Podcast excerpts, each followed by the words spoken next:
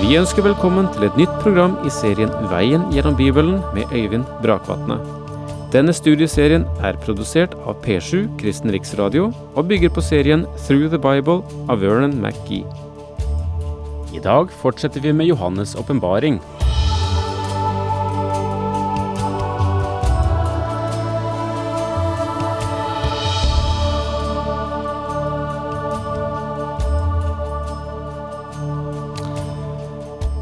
Der finnes en hel del mennesker som ikke har høyere tanker om åpenbaringsboken enn de har om eh, eventyrbok eh, med Asbjørnsen og Moes eventyr, eller Brødrene Grims eventyr eller Tusen og en natt.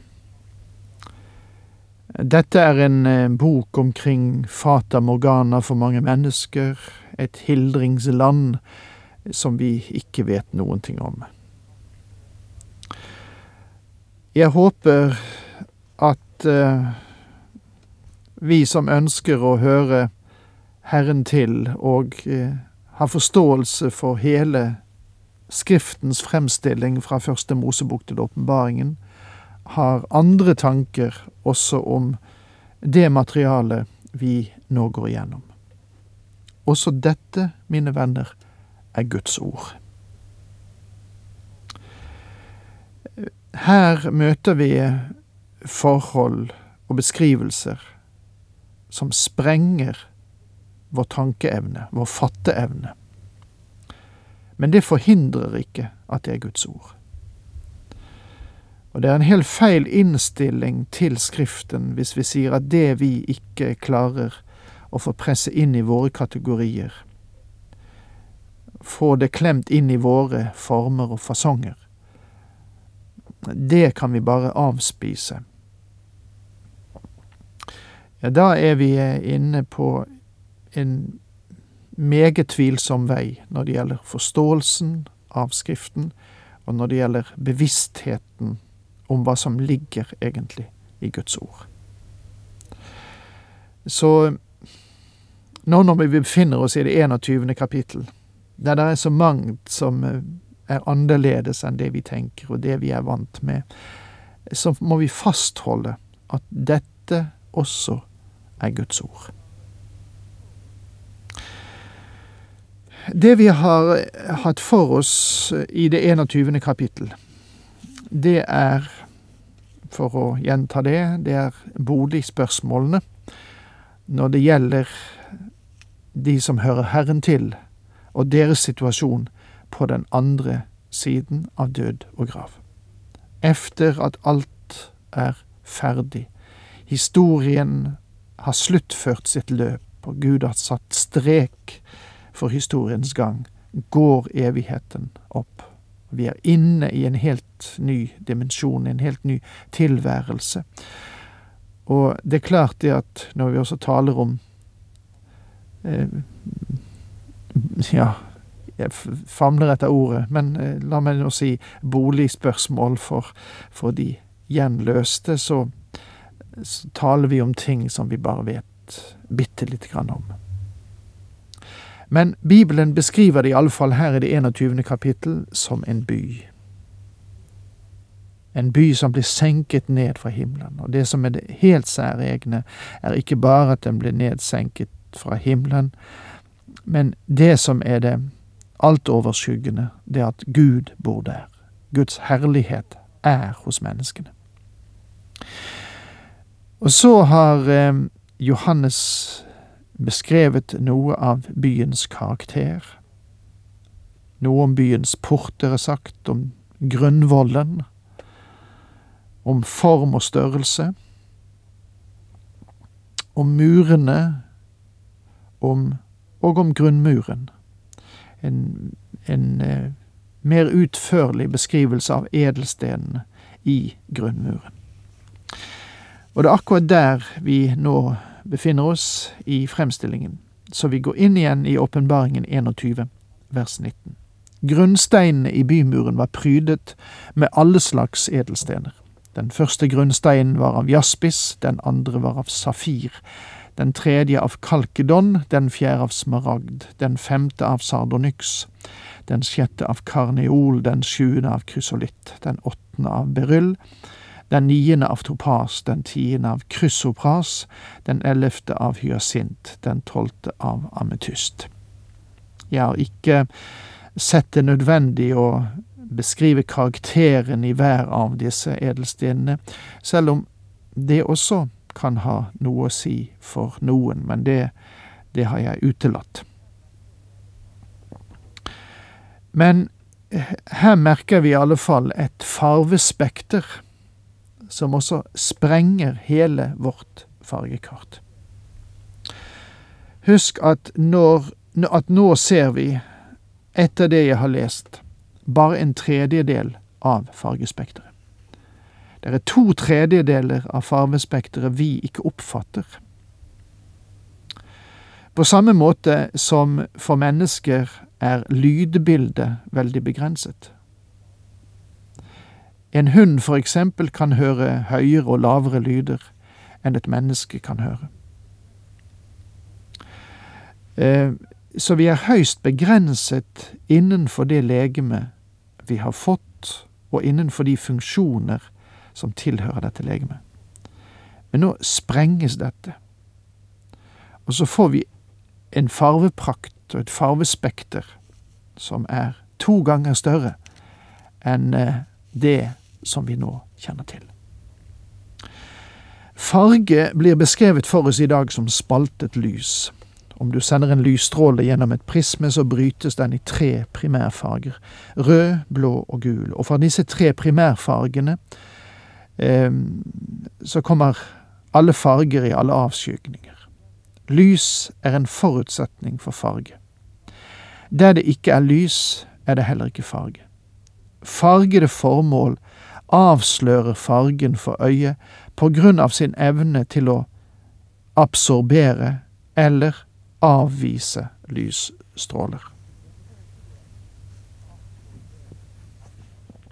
En rød sten absorberer alle fargestråler, med unntak av rød. Den avviser eller kaster tilbake til øyet den røde strålen som, det, som gir det vi kaller for rødt. Det nye Jerusalem vil være en lysets by, og derfor fargenes by. Gud er lys, og han er der. Byen ble beskrevet som av jaspis, klar som krystall. Hele dette fargespekteret vil flomme utover Guds univers. Lyset kommer innenfra og skinner gjennom jaspisstenen som fungerer som et prisme, og som vil gi oss alle farger og fargeavskygninger i hele regnbuen, farger som du og jeg ikke engang har sett. Det virker for meg som det nye Jerusalem er som en helt ny planet. At alle primærfargene finnes her i et mektig byggverk, antyder at selv den minste bevegelse reflekteres fra denne by. En regnbue som viser seg etter sommerregn, gir oss bare et svakt inntrykk av den skjønnhet som finnes i fargene fra denne lysenes by. Her sprenges våre tanker og vår forestillingsevne. De tolv portene var tolv perler, hver port laget av en eneste perle. Gatene i byen var av rent gull, gjennomsiktig som glass. Legg merke til at også i det attende vers står det Byen var av rent gull gjennomsiktig som glass. Det ble sagt oss ved begynnelsen av beskrivelsen av byen at den er transparent, den, det vil si gjennomsiktig. Og det er grunnen til at jeg har hevdet her at vi kommer til å bo på innsiden, og at alt er gjennomsiktig. Det betyr at lyset skinner fra innsiden og ut, og går gjennom disse mangefargede stenene. Mange farger som vi med vårt naturlige øye ikke kan se i dag, vil vi være i stand til å se ved det herlighetslegemet vi da skal ha. Det sies her også at gaten er av gull. Personlig eh, er jeg ikke så svært interessert i hvordan brolegningen ser ut, men det er to ting som gjør inntrykk på meg. For det første, det står ikke gater i flertall, men gate entall. Dette er ingen by med mange gater. Og for det andre, den er gjennomsiktig. Selv gaten er det. Den er av gull, men gjennomsiktig gull. Og det får meg igjen til å peke på at det vi ser, er innsiden av en kule. Eller en kube. Vi kunne ikke hatt byer slik vi har dem i dag, uten å ha gater. Det ville bli en kraftig trafikkork med bare én gate, og det nye Jerusalem har bare én gate, som begynner ved de fire porter. Tenker vi oss den spiralformet, og som så starter å gå langs ytterkanten mot toppen og så ned igjen, så ville vi ha inngangen på ene siden og utgangen på den andre. Og dette er bare en tenkt situasjon der det bare finnes én gate. Det faktum at gaten er av gjennomsiktig gull, betyr at lyset kan skinne gjennom den. Det er ikke noe som hindrer lyset. Ikke engang gaten. Noe tempel så jeg ikke i byen, for Gud Herren, den allmektige og lammet er dens tempel. Og byen trenger ikke lys fra sol eller måne, for Guds herlighet lyser over den, og lammet er dens lys. Gud opplyser den nye skapningen direkte ved sitt nærvær. Da synden kom inn i den gamle skapelse, dro Gud tilbake sitt nærvær, og mørket dekket dypene. Så gjorde Gud seg bruk av fysisk lys i sitt univers. Han satte dem opp så vi setter opp gatelys eller lys i våre hjem, men i den nye skapelse er synden borte, og han blir igjen lysets kilde. I dag er den Herre Jesus verdenslys i åndelig mening. Igjen talte Jesus til folket og sa, Jeg er verdens lys, den som følger meg skal ikke vandre i mørket, men ha evig, men ha livets lys, som det står i Johannes 8, vers 12. I den nye skapelse er Han det direkte fysiske så vel som det åndelige lys. I tabernaklet sto gull-lysestaken, som er et av de vakreste bilder av Kristus.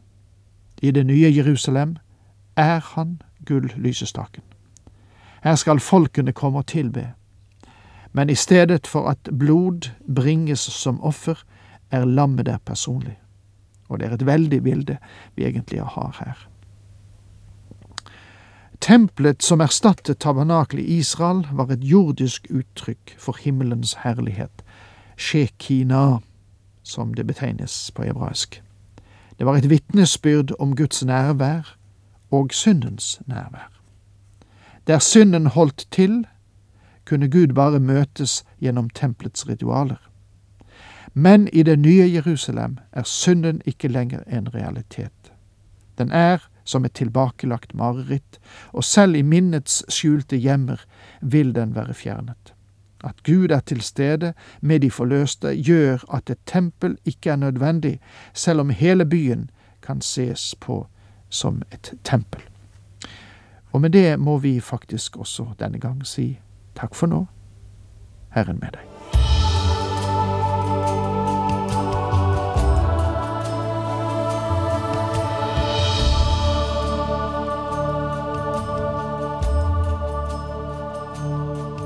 Du hørte Øyvind Brakvatne i studieserien Veien gjennom Bibelen.